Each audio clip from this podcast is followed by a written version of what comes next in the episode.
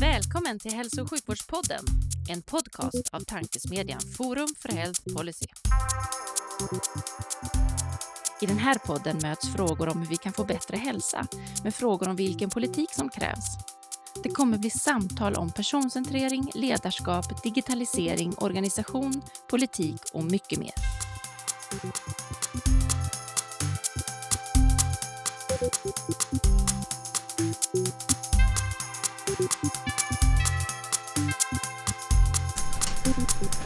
Hej och välkomna till Tankesmedjan Forum för Health Policys initiativ för att sprida goda idéer och tankar kring dagens och framtidens hälso och sjukvård och omsorg. Hälso och sjukvårdspodden. Jag heter Magnus Lejelöw och arbetar till vardags numera för Colivia med bemanning inom hälso och sjukvården men är även styrelseledamot i Forum för Health Policy. Vid min sida idag sitter tyvärr inte Livia Holm. Hon sitter på ett plan till London och det har väldigt svårt att spela in därifrån. Men vi har idag trevligt nog en gäst med gedigen kunskap om digitala lösningar om svensk hälso och sjukvård och även en medlem i Forum för Health Policy. Varmt välkommen Henrik Karlsson. Tack så mycket Magnus. Vad roligt att man får vara med på... Är det sista dagen på jobbet nu då? Ja men exakt. Det på- Mitt emellan liksom. Man kan ta, men det är spännande att ha dig här. Och dessutom spännande att ses fysiskt i en studio. Det är inte Ja, det, det var för länge sedan. Precis. Eh, men vi skulle kunna sitta kallprata här hur länge som helst, men det ska vi inte göra. Utan vi kastar oss in i, hur tror du att svensk hälso och sjukvård ser ut 2040? Eh, ja, det var ju en spännande, spänstig fråga. Jag tror att den ser väldigt annorlunda ut. Ehm, jag tror att ehm, våra patienter kommer ha väldigt mycket mer information som de kan och framförallt vill dela med sig utav. Jag tror vi kommer att monitorera väldigt mycket mer på distans. Ehm, som jag sa, väldigt mycket data. Men den mörka svaret på den frågan är väl Kommer vården att klara av att fånga alla de här möjligheterna? Eh, nya behandlingsprinciper, eh, kortare behandlingstider, mer data in i vården. Vad kan vi göra med den datan? Det är inte jag lika övertygad om, Magnus. Så att när du säger hur ser ut 2040? Jag vill tro att det är stora förändringar, men jag är inte helt övertygad att vi kan fånga alla de möjligheterna som finns där. Eh, Jag tror vi fortfarande kommer 2040 att diskutera eh, ersättningssystem, eh, trubbiga system, mycket administration. Det jag hade hoppats kunna svara på den frågan, det är ju snarare att vi äntligen tillbaks till vårt kärnuppdrag, nämligen att vårda. Vi har fått bort väldigt mycket administration. Vi har bättre träffsäkerhet utifrån datadrivna beslutsstöd. Ehm, Det är det jag hoppas kunna beskriva när vi, du och jag sitter här och pratar 2040 igen. Ja, precis, du, du eh, velar ju lite mellan tror och hoppas, så jag kan förstå. Det är, det är svårt att veta, det är ju jättesvårt att måla upp. Det är ju det som är fördelen med den här frågan. Det finns ju liksom inga rätt och fel. Nej. Men ehm, den där mörka framtiden vill vi inte ha. Vi, vi, vi, vi går på din ljusa framtid Ja. med eh, patienter som är delaktiga och med, med data som påverkar och med, med distansmonitorering som en, som en viktig del i hälso och sjukvården. Ja. Eh, Det är ju är rätt mycket saker som man pratar om redan idag. Ja. Om du skulle tro, säga någonting som du tror, som vi inte pratar om idag, som du tror finns 2040? Eh, nej, men det är väl ett av problemen att vi pratar väldigt mycket idag, men det händer väldigt lite. Eh, jag, jag skulle vilja se ett större patientansvar. Jag tycker idag man, man pratar väldigt mycket om att, att eh, vården ska göra det ena och det andra. Jag tycker vi behöver eh, ta, ta bladet från munnen och prata om vad, kan, vad förväntar vi oss att patienter gör eh, i det här. För det, annars kommer tror jag det bli svårt att, att nå våra mål.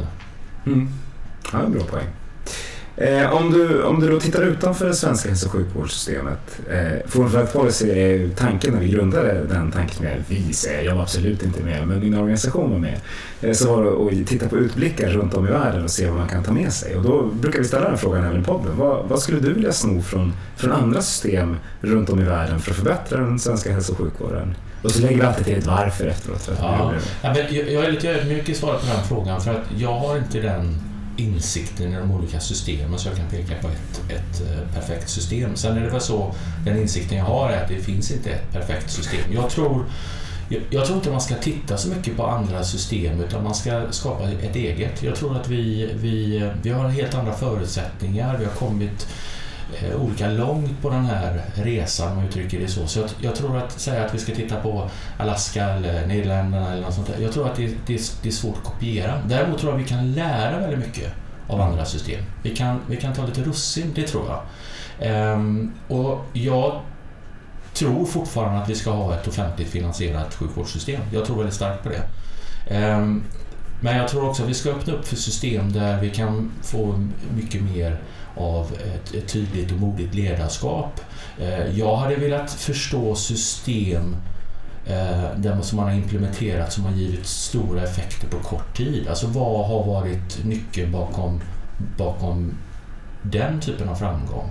Alltså hur kan vi Eh, inte bara distansmonitorering och vi tittar liksom på, på eh, sjukvårdssystem där man har stora eh, geografiska ytor och så försöker man kopiera det. Utan vad har varit framgången när man har byggt och implementerat de här systemen? Det hade jag varit väldigt intresserad av att förstå mer utav. Mm. Så snarare det hade jag velat kopiera än själva systemet. Ja, men bra. Vi, kan, vi återkommer till ledarskap och implementation av innovationer för det, det är två viktiga saker. Men, men när ni som organisation, vi ska återkomma till vilken organisation det är vad du gör också. Men, men, men när, när, ni tittar ut, ut runt och liksom, tittar på vad, vilka marknader ni skulle vilja verka på mm. eller vad ni är. Vilka, vilka är lättare än Sverige? Vilka är svårare utifrån ert perspektiv?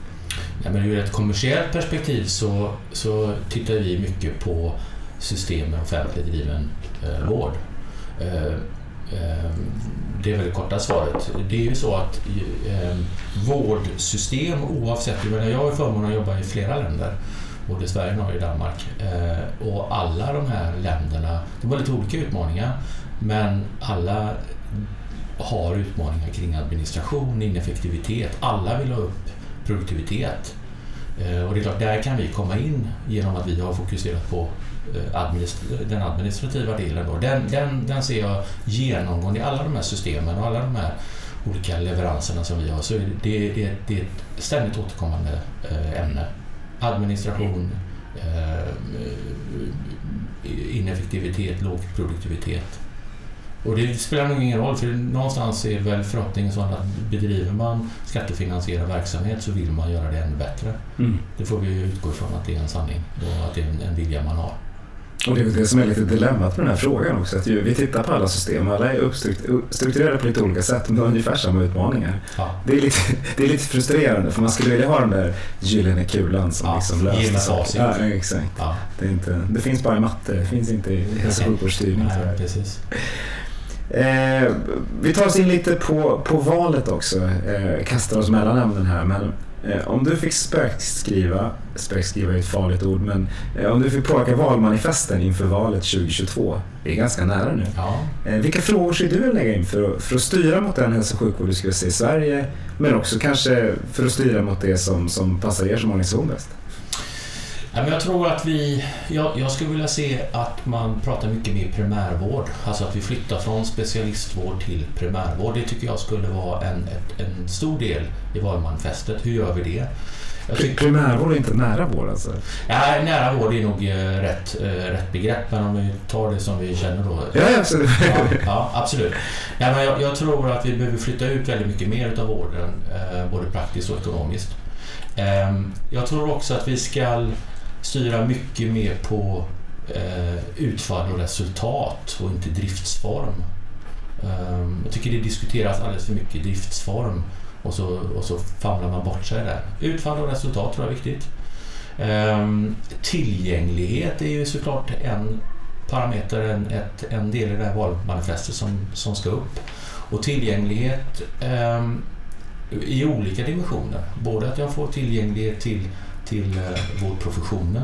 Men också att jag kan få en, en, en tillgänglighet i form av att jag vill förstå eller lämna data eller, eller bara få en, en kontakt med, med vården. Det behöver ju inte alltid vara en, en eh, läkare, eller sköterska eller undersköterska i andra änden. Så att tillgängligheten har många dimensioner. Det, det skulle jag vilja prata mycket om i mitt valmanifest.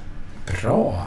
Bra punkter. De återkommer vi till alla tre. Det tycker jag. Nu har jag lovat att återkomma till mycket, men jag, jag tänker det är väldigt bra punkter att återkomma till. Men jag tänkte att vi ska knyta ihop vår lilla faktaruta som vi alltid avslutar med berätta din finaste patientanekdot. Mm. Det kan jag eh, göra. Den, den var inte så långt bort. Jag har en mamma eh, och en pappa, men jag har en mamma som eh, tyvärr drabbades av tungrotscancer. Mamma är född eh, 44 och och har kämpat på med den här sjukdomen. Men när man såg, det här var Sahlgrenska ska hyllas, ehm, när man såg hur vården slöt upp kring min mor, ehm, den här patienten och vilka resurser som lades och hur väl man tog om hand om henne och faktiskt eh, lyckades eh, bota den här cancern. Nu fick eh, mamma tyvärr en massa biverkningar. De var rätt så kända Eh, i samband med en sån behandling. När man strålar och så längst bak i, i tungan så är det svårt med svalg och tal och, och så vidare. Eh, det var den fina delen. Men samtidigt så såg jag då när, när, när hela den insatsen var färdig eh, och vi kommer tillbaka i en, en vardag och patienten ska lämnas över i, i en vardag och en, en, ett, ett, ett, tillbaks till, till hemmet och så vidare. Då ser jag hur det faller väldigt mycket. Eh, det är ingen som, som tar lid på den här patienten, i det här fallet min, min mor. Nu är hon väldigt stark som person och hon har eh, bra, bra eh, anhöriga runt omkring och, och så vidare. Men jag ser att man har satsat väldigt mycket i, framtungt men så tappar man det liksom på, på målsnöret lite grann. Um, så helhetsbilden är inte, den är jag inte jätteimponerad över. Um, där och då och, och det medicinska, fantastiskt. Men, men, men när, vi, när vi ser på helheten så tycker jag det finns mycket kvar att göra. Mm. Ett väldigt bra exempel. Det är precis det vi pratar om en massa coola saker som precisionsmedicin och datadriven hälsa och sådär. Sen så behöver vi ta hand om patienterna hela vägen ner. Det kanske är så att till valmanifestet 2026 ska det stå cancerrehabilitering eller rehabilitering av patienter och omhändertagande efter Ja, det är spännande. Ja, det, det, som, alltså det som gör om, om en patient mår bra, och sen, det, det finns ju en medicinsk del, men, men det är ju eh, det är, det är, en, det är en del. Jag har jobbat väldigt eh, många år i läkemedelsindustrin och man pratar ju mycket om, på den tiden så var man ju rätt bekymrad över placeboeffekten. Eh, och det är klart att, att inga andra liknelser, men det är klart att det, det, det är rätt så komplext det här. Och att man lyckas rent medicinskt är en sak, men man ska lyckas med hela patienten eh, och det är inte riktigt samma sak. Precis. Det är synd att man ska vara bekymrad över något som är effekt, effektivt fast inte finns. Ja, det är inte ja, jag, jag förstod hur du menade. Ja, är helt rätt. Eh, men vi, vi, kan ta det när du ändå bryggar in snyggt själv. Du gör ju sådana radioövergångar utan att jag behöver göra dem. Det är perfekt. Ja. Du har jobbat i läkemedelsindustrin. Vad, vad är din roll idag och, och, vad har du gjort för att hamna där? Ja, vad har man gjort då? eh, nej, men jag slutade i läkemedelsindustrin för, för många, många år sedan eh, och jobbade med säljmarknad där. Jag drog igång ett bolag som höll på med eh, vårddokumentation på distans. Alltså det som en medicinsk sekreterare gör på plats, det gjorde vi på distans. Nu pratar vi 2005, 2006. Det är som, som att vara, vara under pandemin fast 15 år tidigare? Ja, absolut. Och vi, vi, eh, det kan vi prata mycket om, men, men vi gjorde ju... Eh, vi har byggt en helt virtuell organisation. Vi började väldigt traditionellt där och då med att eh, skaffa lokaler och, och sådär. Så då var det egentligen bara arbetsmomentet som vi gjorde på, på annan ort eller på, på distans. Men ju mer vi jobbade med de här frågorna och när vi började titta på produktivitet och, och, och det var massa saker vi tog in, eh, rekrytering inte minst, så såg vi att eh, det är helt omöjligt att bedriva det från en och samma ort. Och, och att, att ha som affärsidé att starta upp en massa eh, kontor runt omkring i landet, det, det kändes eh, inte så attraktivt. Så vi började bygga en virtuell organisation, nu pratar vi 2007, 2008 eh, och då kan vi ju ta allt ifrån eh, onboarding, offboarding, eh, upplärning, eh, skyddsronder, kollektivavtal och så vidare. Så det, det har varit en fantastisk resa, långt innan pandemin. Eh, så så sätt så stod vi ju väldigt väl rustade kring, kring den delen i samband med... Ja, väldigt, väldigt långt innan. Ja, väldigt långt innan. Men det har varit, eh, eh, det har varit jättemycket utmaningar att göra det. Inte minst eh, på beställarsidan kan man verkligen göra detta på distans och får man och, och sådär. Men, men, för att svara på din fråga då, så, att, så jag drog igång det bolaget och sen har vi förvärvat lite bolag. Allt eftersom vi har byggt vår verksamhet så har det ju blivit mer och mer Eh, digitalt. Ehm, och sen ehm, eh, gjorde vi så att eh, bara för en liten tid sedan här, eller under pandemin, så förvärvade vi ett, ett norskt bolag ehm, och sen så slog vi ihop där och nu är jag numera koncernchef för ett bolag som heter Omilon. Så vi har slagit ihop ett antal bolag inom vårddokumentation. Sen har vi också gjort ett förvärv av ett AI-bolag så vi lyfter in mer eh, AI förenklat, alltså machine learning, AI eh, och bygger olika typer av beslutsstöd runt omkring där. Då. Så att, från att gått ifrån en väldigt eh, traditionell eh, läkarsekreterarbutik eh, till att bli eh, tillsammans med läkarsekreterare bygga en rätt avancerad eh, leverans in till, till vården. Det har varit en fantastisk resa och är en fantastisk resa. Det förstår jag. Ja. Vad har varit de största utmaningarna på den resan? För, förlåt för en till bred fråga gissar jag. Ja, men, men ja, det har varit det har varit många utmaningar och det är väl en del av tjusningen tänker jag. Att man, man eh, tycker att det är tilltalar att det är en hel del utmaningar. Men man kan väl säga att initialt så handlar det väldigt mycket om teknik. Ehm, vi låg väldigt långt framme eh, och hade inte riktigt tekniskt stöd för det vi ville göra. Eh, sen har det ju varit eh, i, i ett bolagsperspektiv att bygga organisation, att gå från, från det eh, analoga till det digitala, från det, från det fysiska till det virtuella. Det har varit mycket att hitta rätt folk, bygga kultur. Sen kan man komma in som entreprenör lite grann, hitta finansiering och, och sådär. Det har varit en del diskussioner kring juridik. Eh, brottats med det, varit en del eh, brottande med upphandlingar. Och, men det där tillhör ju Eh, en, en vanlig del i ett bolagsbygge. Eh, så. Men det har varit olika faser som vi har gått igenom så det har varit olika svårigheter och moment. Mm. Ja, jag frågar för att bygga bolag är svårt, men att bygga bolag som ska jobba mot den offentligt finansierade vården har liksom en, en till dimension av, av trösklar och hinder. Ja, och sen, och sen, sen när, vi, när vi startade, när jag startade där 2005-2006 så jag har varit med och anställt två personer sen så höll jag mig därifrån för det var ingenting som jag var jätteduktig på.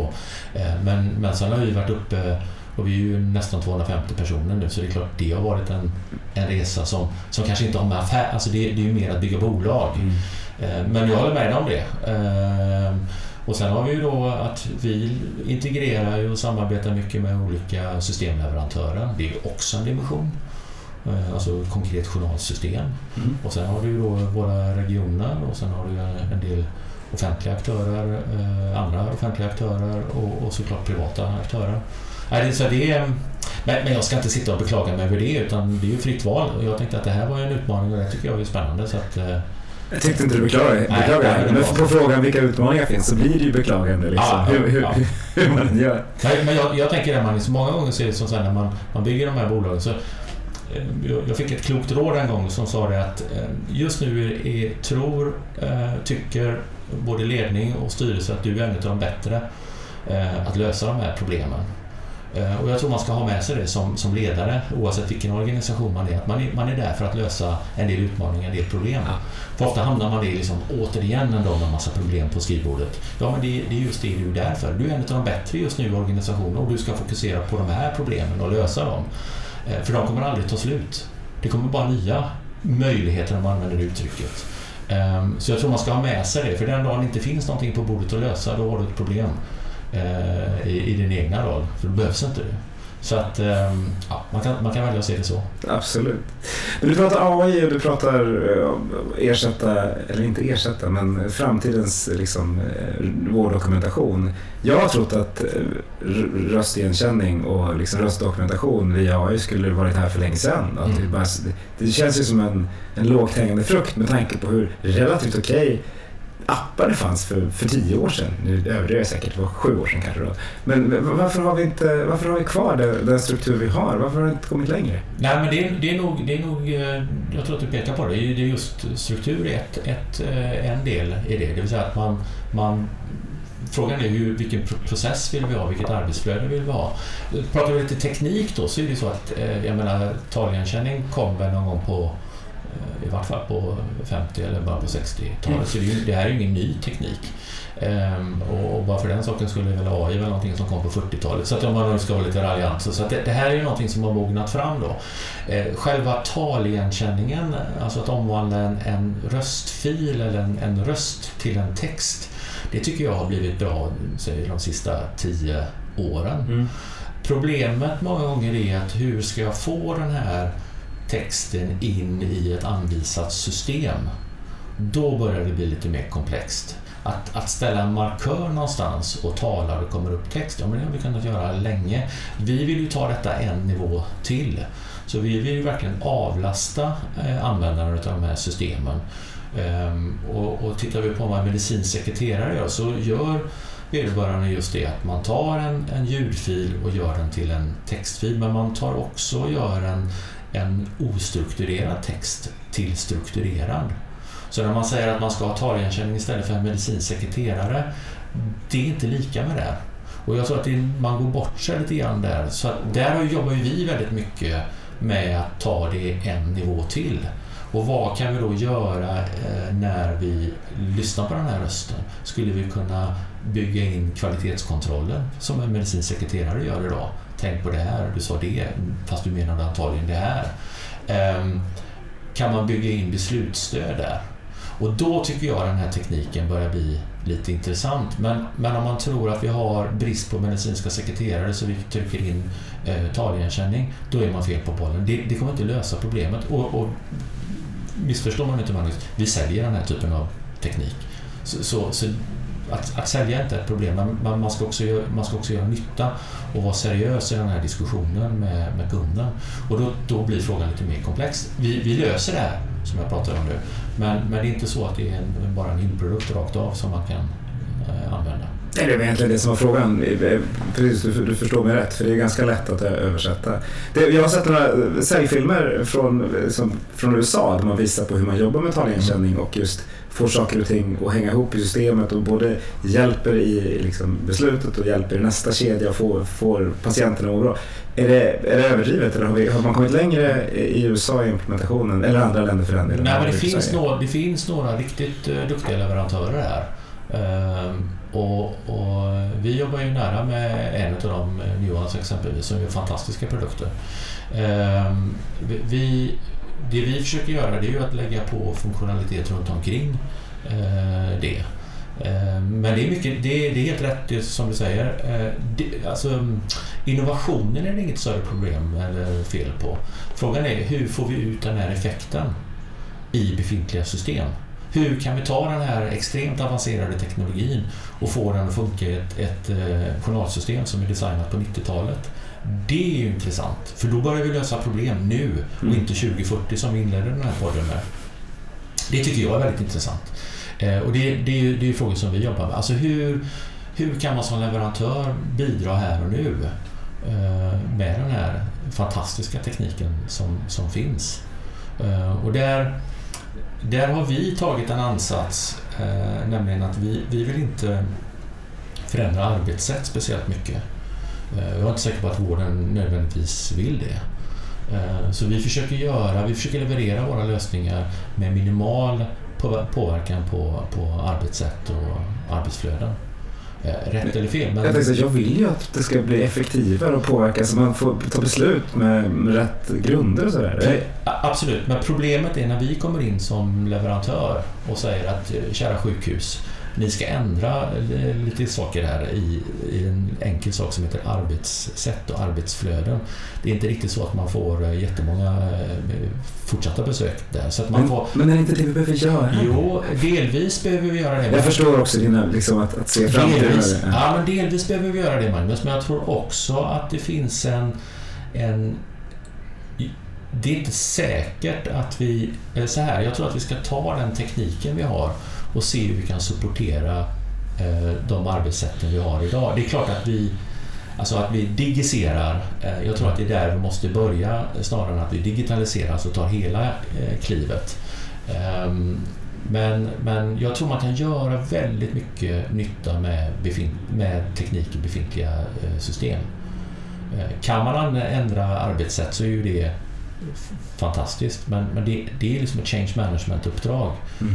Eh, och det har inte vi alltid mandat till. Mm, nej, jag förstår. På tal om mandat eh, så har man ju just nu på, har man lagt mandatet att utveckla framtidens vårdinformationsmiljöer. Det vill säga nationalsystemet från 80-talet som du pratade om som ju ska uppgraderas. Utifrån ert perspektiv, för nu sitter ni, jag antar att ni jobbar med, med Sörner och, och Cambio och, och vad nu Stockholm kommer att hitta på. Mm. Eh, utifrån liksom, som er roll, hur, hur tycker du att förändringen går? Jag höll på att säga att vi klarar till 2040, men hur, hur- är det som leverantör vid sidan att jobba och försöka integrera er typ av, av, av ny tjänst i ett, i ett system som, som byggs medan man implementerar det? Men det är svårt. Eh, det är ett kort svar. Eh, nej, men vi, vi har faktiskt valt, vi har diskussioner, eh, absolut har vi det. Men, men jag har också respekt för att alla de som du nämnde nu, de har stora utmaningar med sin leverans. Eh, Att då komma lite grann från sidan och, och vifta och tycka och säga så här borde vi göra kring de här momenten. Det, det tror vi är svårt. Vi, vi, har, valt, vi har valt att jobba nära eh, slutkund, alltså användaren. Eh, Vi har valt att försöka integrera så lite som möjligt med journalsystemen. Det är ett- strategiskt val för oss därför att vi tror att vi når fortare fram. Vi kan göra större nytta snabbare om vi inte gör det. Vi skulle gärna vilja göra det. Ehm, Så, så, så, sen, sen, är det, sen är det väl så här, tänker jag Magnus, också att det finns en övertro, tror jag, till de här nya systemen. Ehm, det är inte riktigt så enkelt eh, att man byter system och så har man löst väldigt många problem. Jag är lite, och det är möjligt att jag inte initierar det, men jag har inte riktigt förstått eh, eh återbetalningstiden på de här investeringarna. Är de två år, är de tre år eller vad, vad har man satt för, för eh, tidsramar här? Är det kanske till och med fem år? Jag vet inte, jag har inte sett de kalkylerna. Vad är det man vill eh, åstadkomma? För att är det så att man, vi pratar väldigt mycket om förändrade arbetssätt och då är det ju så att då, då jobbar vi ju fel idag uppenbarligen om vi vill ha andra system som rättar till det här. Och då ska man ju titta lite grann på det. Att vi jobbar fel idag, vi vill jobba på det här sättet. Vilka system ska vi ha? Nu känns det som att man har tagit ett system eh, och så anpassar vi våra arbetssätt därefter. Det är möjligt, jag, jag, jag är lite ute på tunn is för jag är inte så initierad i alla de här diskussionerna. Men, men jag tror, eh, summa kardemumma, att jag tror att det, man har en alldeles för stor övertro. Det är lite som jag skulle sitta i, mitt, i, mitt, ehm, i min roll att säga att vi har problem med, med försäljningen eh, i Omlon. Eh, och då är lösningen ett nytt eh, CRM-system.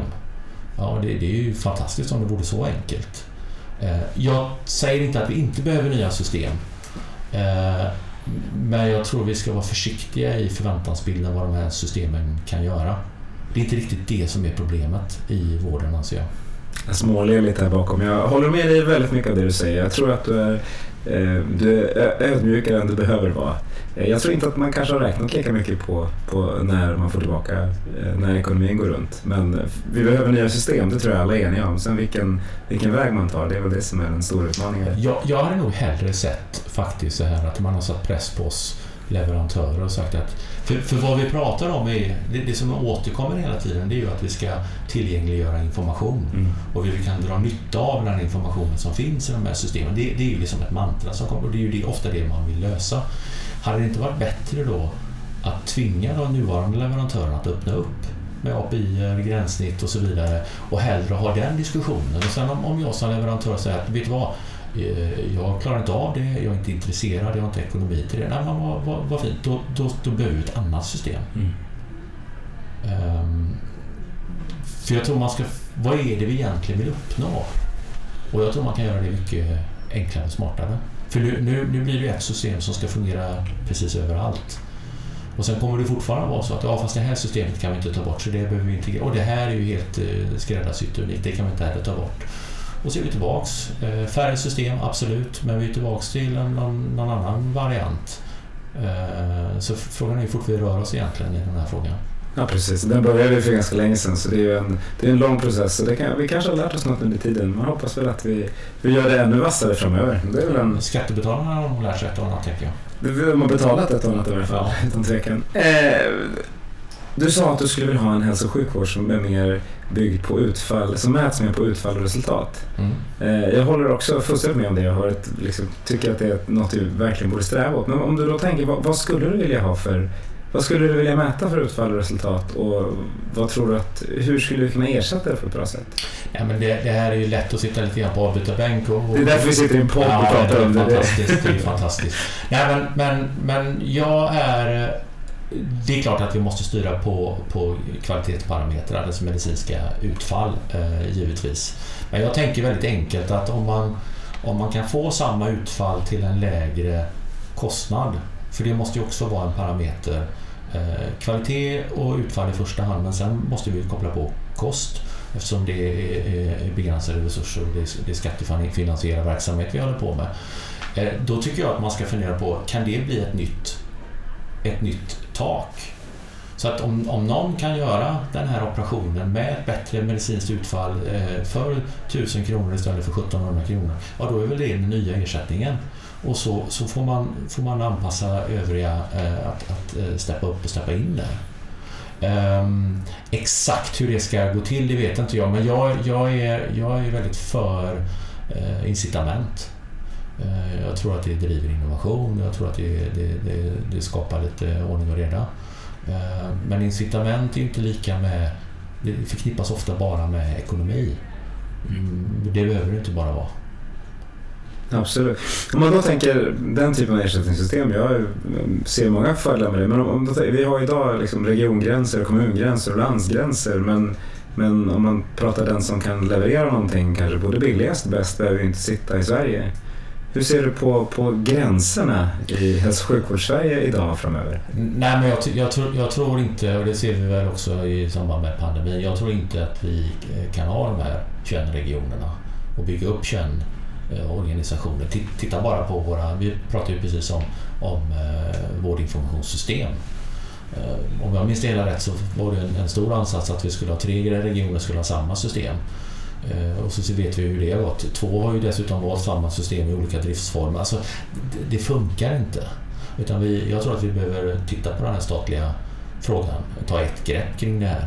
Ehm, det är helt omöjligt att driva de här frågorna i, i, i 21 regioner. Vi får ju inte lika vård.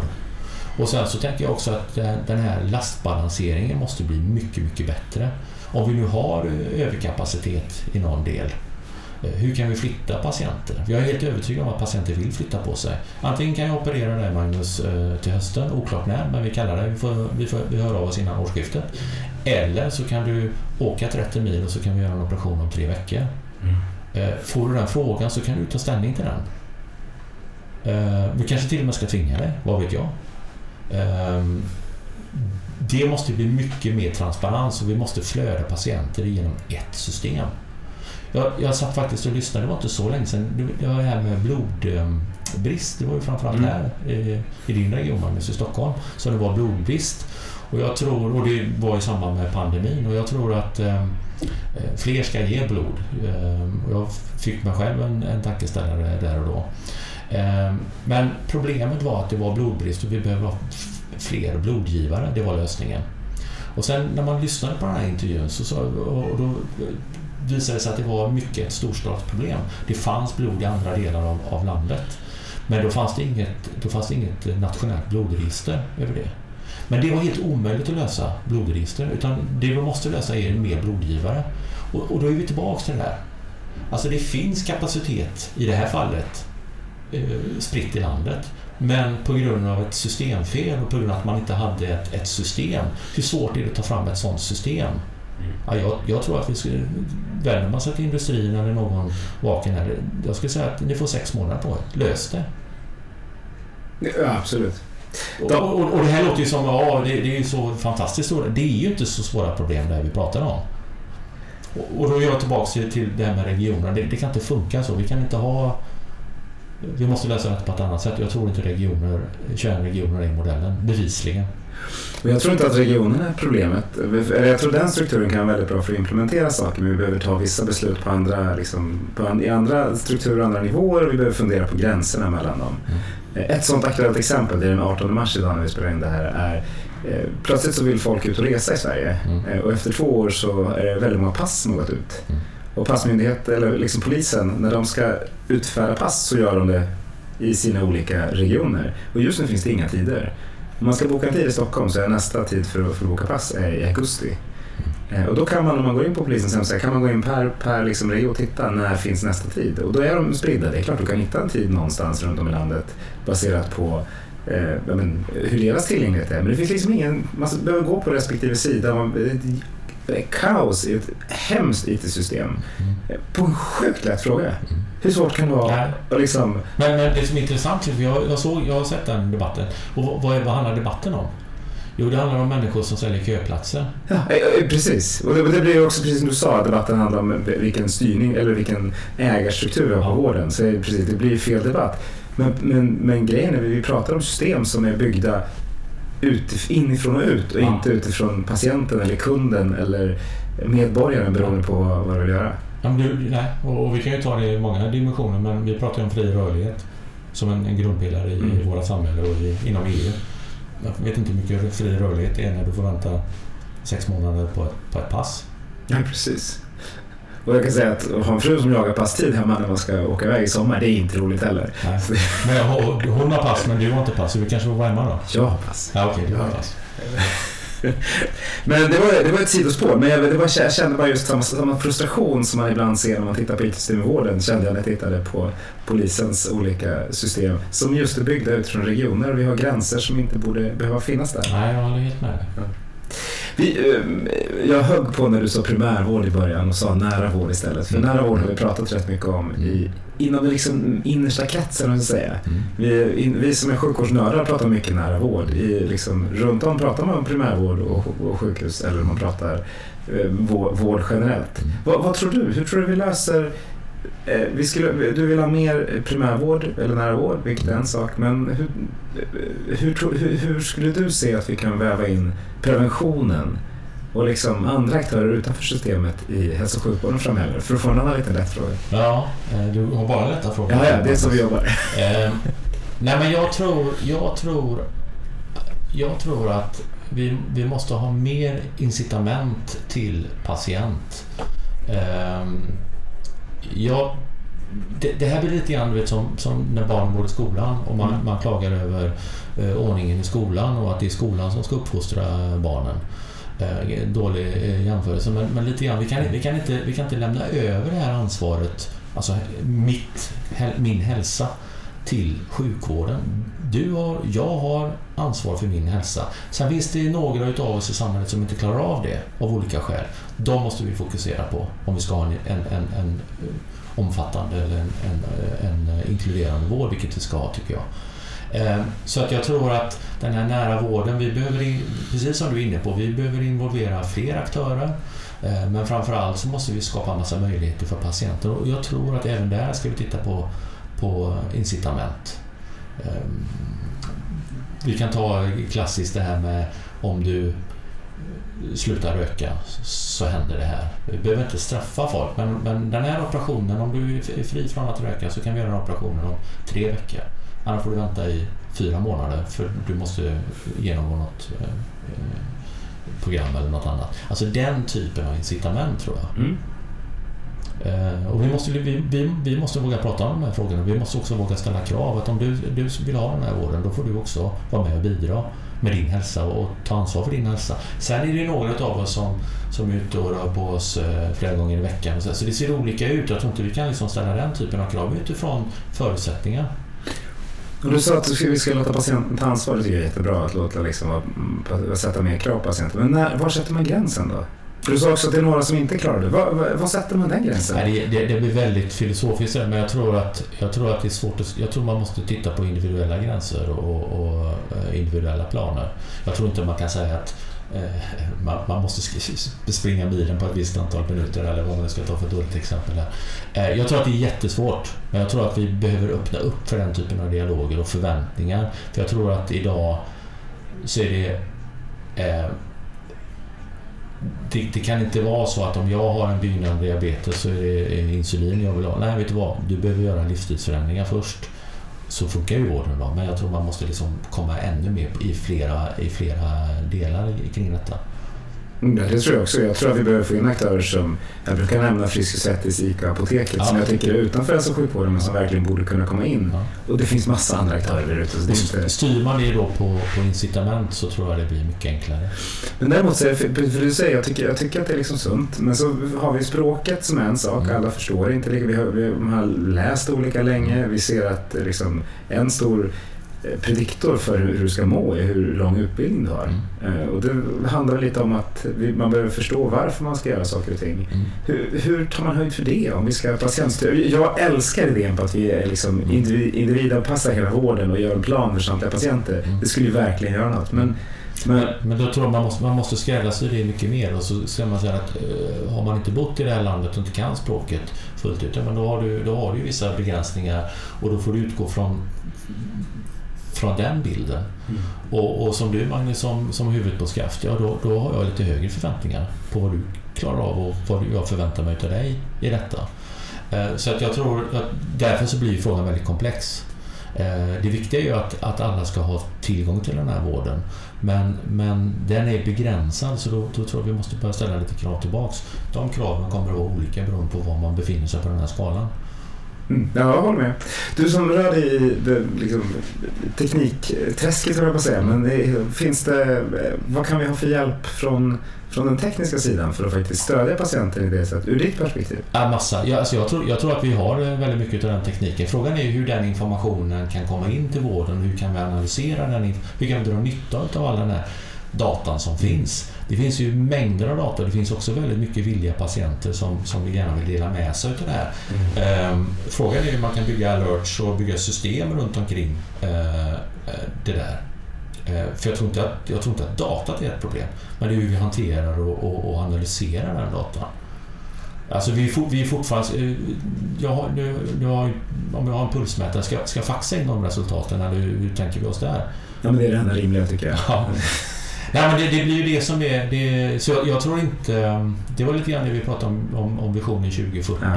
Problemet är det är nog inte tekniken. Problemet är hur, hur, hur eller utmaningen ligger i hur vi kan säkerställa att vi drar nytta av den här tekniken. Mm. Ja, nej, absolut. Jag är helt enig. Eh, och det är väl egentligen det man skulle vilja gå mot och betala för en friskare hälso och sjukvård, eller friskare mängd patienter. I, I Stockholm just nu har man ett intressant projekt på, kring diabetiker mm. där man betalar i efterhand till de aktörer som har levererat på att patienterna ska bli friskare. Mm. De är antingen prediabetiker eller diabetiker och så liksom tittar man på hur, vad är målvärdena om ett år och så ger man ersättning. Tror du att den typen av struktur är möjlig eller är det för, liksom, för att det är en bra paketerad gruppering vi har? Jag tycker att det är väldigt bra initiativ. Jag gillar ju den modellen. Eh, sen om man ska skala den på nationell nivå så ser jag kanske vissa problem, men vi behöver inte fokusera på, på det utan jag tycker initiativet är helt fantastiskt. Ehm, eh, jag har själv bedrivit två vårdcentraler en gång i tiden och där hade vi en, en tanke om att eh, vi skulle inte titta så mycket på ersättningssystemet. Vi ska göra det som är bra för kunden, patienten. Eh, det funkar inte jättelänge och, och, eh, och vi fick eh, krypa till kors och säga vi, vi får nog titta på de här ersättningssystemen och, och leverera utifrån det. Men det är klart att när vi tog emot patienter där, så diabetiker, kroniker, så frågade vi hur, hur, när träffade du läkaren senast? Ja, det var två år sedan. Så det är klart att in, innan, innan vi har en baseline som, är, eh, som möjliggör att vi kan göra det projektet som du beskriver på nationell nivå så, så kommer det ta ett tag. Mm. Eh, ska det hindra oss? Nej, det tycker jag inte. Jag tycker att det är ett jättebra initiativ. Hur hade du gjort idag då, om du hade startat en vårdcentral? För det lät som en jag håller med dig i att vi borde fokusera på hur patienten mår. Vi borde sätta upp våra liksom, incitamentstrukturer efter det. Hade du anpassat dig efter de, system som, eh, liksom, de ersättningssystem som finns idag? Hade du kört rakt av på patientfokus eller någon kombination? Hur, hur, hade du, hur hade du lagt upp det då? Jag vill ju tro att jag hade gjort ungefär på samma... Eh, jag hade, jag hade kanske finansierat det där på ett annat sätt eh, så att jag hade haft möjlighet att navigera hellre för det som är bra för patienten snarare än det som jag får betalt för. Eh, men då skulle du ha en kassa att kunna göra det. Jag tror nämligen, i alla andra verksamheter är det så. Gör du någonting som är bra för din kund och du gör någonting som är bra för dina medarbetare, då löser sig resten som regel mm. i resultaträkningen. Eh, men det kräver att du har en, en finansiering som, som mäktar med det där. Vi gjorde väldigt mycket initiativ kring Eh, nu pratar vi 2012, 2013. Vi gjorde väldigt mycket digitaliseringsinitiativ och förändrade väldigt mycket arbetssätt och vem som gjorde vad och försökte strömlinjeforma väldigt mycket och vi kom väldigt långt där. Ehm, och jag, jag, såg tydliga effekter på de här eh, systemen som, som vi implementerade. Så det hade jag nog eh, fortsatt att, att vilja göra och gå väldigt nära patienten och vara väldigt relevant. Eh, inte minst kring tillgänglighet. Då. Vi jobbar jättemycket med tillgänglighet då, för det är en, det är en, en faktor som är helt avgörande. Och det är precis vad, vad patienter vill ha eh, i, i mångt och mycket. Liksom man, man vill bli mött och sedd utifrån vad man själv vem man själv är och man vill ha en tillgänglig snabbvård. Det finns liksom ett antal sådana parametrar. Och det, oavsett vilket företag jag lyssnar på så säger alla eh, patient first eller customer first eller vi måste lyssna på kunden. Det, det, det, är liksom ett rimligt sätt att angripa problemet. Men som du säger, det är ju inte så vi gör inom hälso och sjukvården. Eller vi säger att vi gör. För alla jag pratar med här säger att vi ska fokusera på patienten, vi ska fokusera på det, men, men det är inte det till syvende och sist gör, utan vi, vi, fokuserar på det plus ersättningssystemen i olika, olika skala och det är väl det som stökar till det. Mm. Men en av de första sakerna som vi gjorde eh, när vi drog igång de här vårdcentralerna, det var ju att ta bort telefontider. Ja. Alltså, det är helt orimligt att jag som, som patient, du ska ringa mellan 8 och 9. Därefter kan du inte ringa, du får ringa imorgon. Eller någon annan dag det, alltså, det kundbemötandet det finns ju ingen annanstans. Sen förstår jag att man kan inte ha, man kan inte, man kan inte ringa in till sin läkare hela tiden för den personen förhoppningsvis sitter upptagen med annat. Men det går ju att organisera på ett helt annat sätt. Eh, och det drar dessutom ner väldigt mycket stress på patientsidan. Eh, om man nu, nu pratar vi telefoni, man kan ju kontakta på, på flera olika sätt. Men, men det är, inte, det är inget Nobelpris pris vi ska sitta och uppfinna här Magnus, utan det är, det är rätt så... Alltså i andra delar av samhället så har vi väldigt många goda exempel. Eh, men vi, vi, vi döljer oss eller vi gömmer oss bakom system och regelverk och det är, det är stort och det är krångligt och så borde vi göra men jag kan inte påverka och sådär. Eh, jag håller fullständigt med och jag märker det. Man har en annan toleransnivå. Jag avskyr att ringa, behöva, behöva sätta mig i kö för det stör liksom hela systemet. Jag vill kunna messa eller mejla, det är det som passar mig absolut bäst. Till vården får man lite acceptera det till och från när det inte går. Mm. Men om jag, en annan aktör skulle agera så, jag skulle säga upp något tv-abonnemang och så fick jag sitta i telefonkö hos Telia i en halvtimme. Alltså jag var så förbannad när jag kom fram. Jag var förbannad när jag ringde. Men, men att, det liksom, att det är så det fungerar. Ja. Så, så, behandlar man inte en kund. Nej. Eh, men vården kan behandla en kund till och från på det sättet. Det finns, många, det finns det många lovvärda initiativ där ute och det, är liksom, det börjar bli betydligt bättre. Men, eh, men det är fortfarande så vi haft som, men det är fortfarande telefontider vi pratar om fast det egentligen kanske borde vara kontakttider på ett annat sätt. Ja, precis. Eller att du till och med kanske blir, blir uppringd, vad vet jag. Eh, exakt, ja, det finns massa olika, olika sätt. Du, vi kastar oss över till, till innovationer. För du nämnde just eh, fart på implementering. Att det finns, I andra länder finns det, kan man se att, att det implementeras innovationer snabbare och effektivare. För vi är bra på innovation i Sverige utan tvekan. På att implementera tidigt. Liksom. Nu säger jag att vi är bra, det kan man ju ha olika åsikter om. Men vi sägs vara ganska dåliga på att skala upp mm. i fart. Vad är, vad är det andra gör bättre? Vad skulle vi kunna göra effektivare där? Ja, ja, men jag tror att redan, jag tror man måste börja i upphandlingsskedet. Eh, redan där dödar man innovation. Ja, ja, ja, jo, ja, det gör man ju till viss del. Men jag tror man ska jobba mycket mer med upphandlingar. Mm. Jag ser det när vi pratar om vårdadministration som är det vi jobbar mycket med då. Det är klart att vi har eh, väldigt mycket tankar kring hur man skulle kunna göra administrationen mycket effektivare eh, och, smartare och, sådär om vi hade blivit inbjudna till, till dialog. Jag menar, vi, vi eh, nu fokuserar vi så smalt på det här området men, men vi, vi har ju mätt och våra kunder har mätt att vi, vi kanske ligger på en 40 till 50 procent lägre produktionskost. Hur gör vi det? Ja, genom olika eh, processer, olika hjälpmedel och så vidare, hur vi styr verksamhet och så. Det är klart att det hade jag ju förväntat mig som, som kund, att vi skulle dela med oss mer utav. Mm. Eh, men ofta när man kommer in i upphandling så är det något litet problem som ska lösas och vi ska lösa det på samma sätt som vi alltid har gjort och, och vi vill ha ett, ett enhetspris på det. Vi vill inte öppna upp för en dialog. Hur borde vi göra det här? Gör vi rätt? Skulle vi kunna göra på något annat sätt, smartare sätt? Hur, om, om vi, hur skulle vi kunna få ner kostnaden ännu mer? Ja, men vet du vad? Om vi gör på det här sättet, då skulle vi kunna eh, justera ledtider eller priser eller vad det nu är. Så jag tror man måste börja jag, måste, jag tror man måste börja eh, där och sen så Sen är jag lite orolig för att man har väldigt många sådana här innovationsgeneraler lite överallt.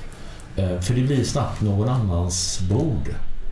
Ehm, Eh, att innovation är, liksom, det är, det är något eget skrå som ska, som ska leva ett eget eh, liv. Det, det, det, tror jag inte. Jag tror, jag tror det måste vara en del av DNA. Om vi, om vi eh, pratar om att vi vill förändras och vi borde förändras, och så, då, kan man inte, då kan man inte låsa in några människor som är ansvariga för, för innovation. Eh, det tror jag inte.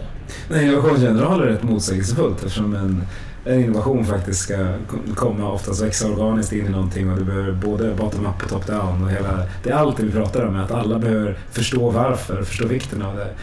En general kan vara svårhanterligt. Ja, precis. Mm. Finns det några du tycker gör det riktigt bra? Utifrån nu, nu har, du, har du Norge och Danmark på det. Liksom. Finns det något man kan lära från, från grannländerna? Gud förbjude. Ja. Nej, men det, våra grannländer gör väldigt mycket. Eh, jag tycker Norge... Eh, jag, framförallt jag beundrar av deras fastläkarsystem och, och tillgängligheten där.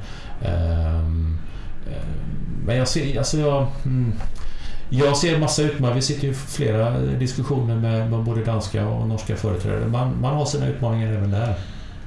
Det är nog inte så som tur är Magnus, det kanske inte är, finns ett facit någonstans i världen utan jag tror alla sliter med sina, sina delar. Mm. Uh, um, jag tror man, man, man, man får nog faktiskt tampas med de problemen man har och försöka lösa dem. kan man ta lite inspiration från, från olika länder och så men, men det där facit, jag tror inte det finns. Det är nog så. Det är, och det, det, är väl både tur och otur att det inte finns. Ibland hade man hoppats att det fanns ja, ett facit. Ja.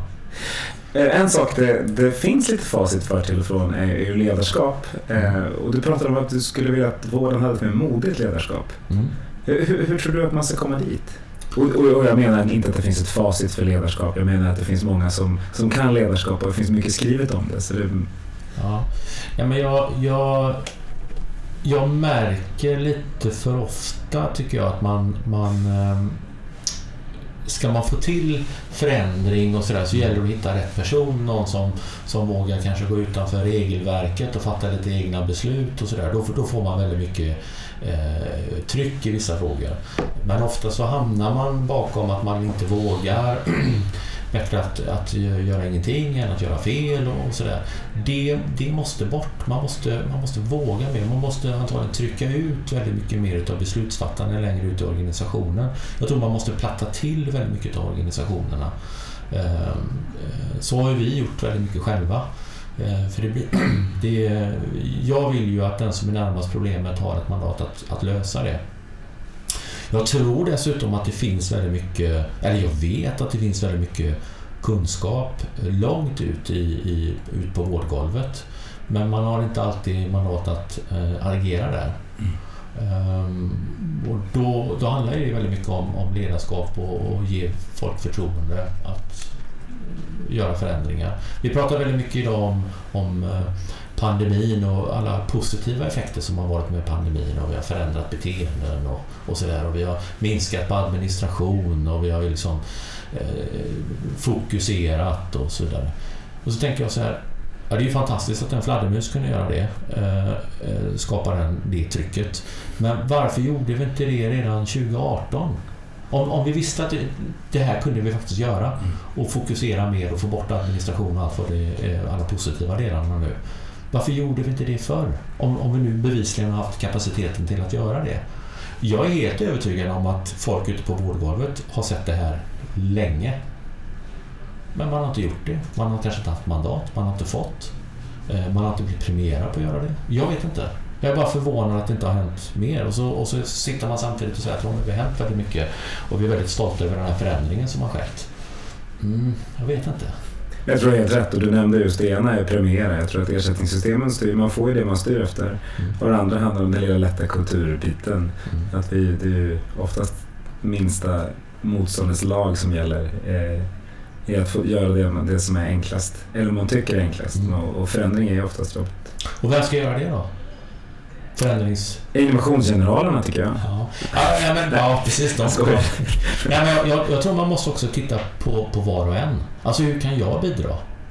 Um, om jag är sköterska eller jag är läkare eller jag är undersköterska eller jag är medicinsekreterare, vad jag är, hur kan jag bidra? För det är också en sån här, vi pratar ju väldigt mycket om det eh, internt i, i, i min organisation, att det är alltid någon annan som ska göra allting. Mm. Men du har ju själv, vi pratar ju om att man ska ta ansvar för sin egen hälsa. Jag tror man får också ta ansvar för sitt egna ledarskap. Och, och vilja vara med och bidra till en bättre, bättre arbetsplats och en bättre leverans och så. Så att jag, det är lätt att peka på långt upp i, i leden liksom att det är fel beslut och det är politiker och lite sånt. Ja, fast vi kanske ska börja peka på varandra lite grann först och på, på det själv. Fast jag vill nog peka högt upp i organisationen. Jag tycker nog högt upp bör man eh, skicka ner mandatet så långt ner i organisationen som möjligt och skapa förutsättningar och skapa den kulturen som ska finnas för att vilja ta beslut. Jag tror inte att ledarskapet är tillräckligt, kanske sticker ut hakan här, men tillräckligt tydligt och ger tillräckligt mycket mandat för organisationen för att man ska känna att man just kan göra det om man, om man jobbar i den typen av organisation. Nej, du har nog helt rätt. Eh. Men jag tänker också att det är just det som du är inne på, att det ska ges i så fall direktiv. Mm. Eh, och, och, och, mandat och inte detaljstyra så mycket uppifrån. Eh, för jag tror att lösningarna finns. Folk vet hur de ska lösa saker och ting. Helt övertygad om det. Så låt, låt folk och medarbetare göra det. Ja. Och de medarbetare som har lyssnat på den här podden har varit ute i snart en timme. Eh, när du kom in i det här rummet, var, var det något du hade velat prata om som inte jag lyft? Nej, jag tycker, jag tycker det var ett fantastiskt trevligt samtal, Magnus. Nej, jag, jag tycker du har fångat väldigt många intressanta frågor. Bra. Det är ju alltid lätt med spännande och trevliga gäster. Så, men då, då, tackar jag dig varmast för att du var med i Forum för Health Policies hälso och sjukvårdspodd. Eh, jag tackar er som har lyssnat. Eh, låt oss nu gå ut och förändra svensk hälso och sjukvård till bättre tillsammans. Tack så mycket.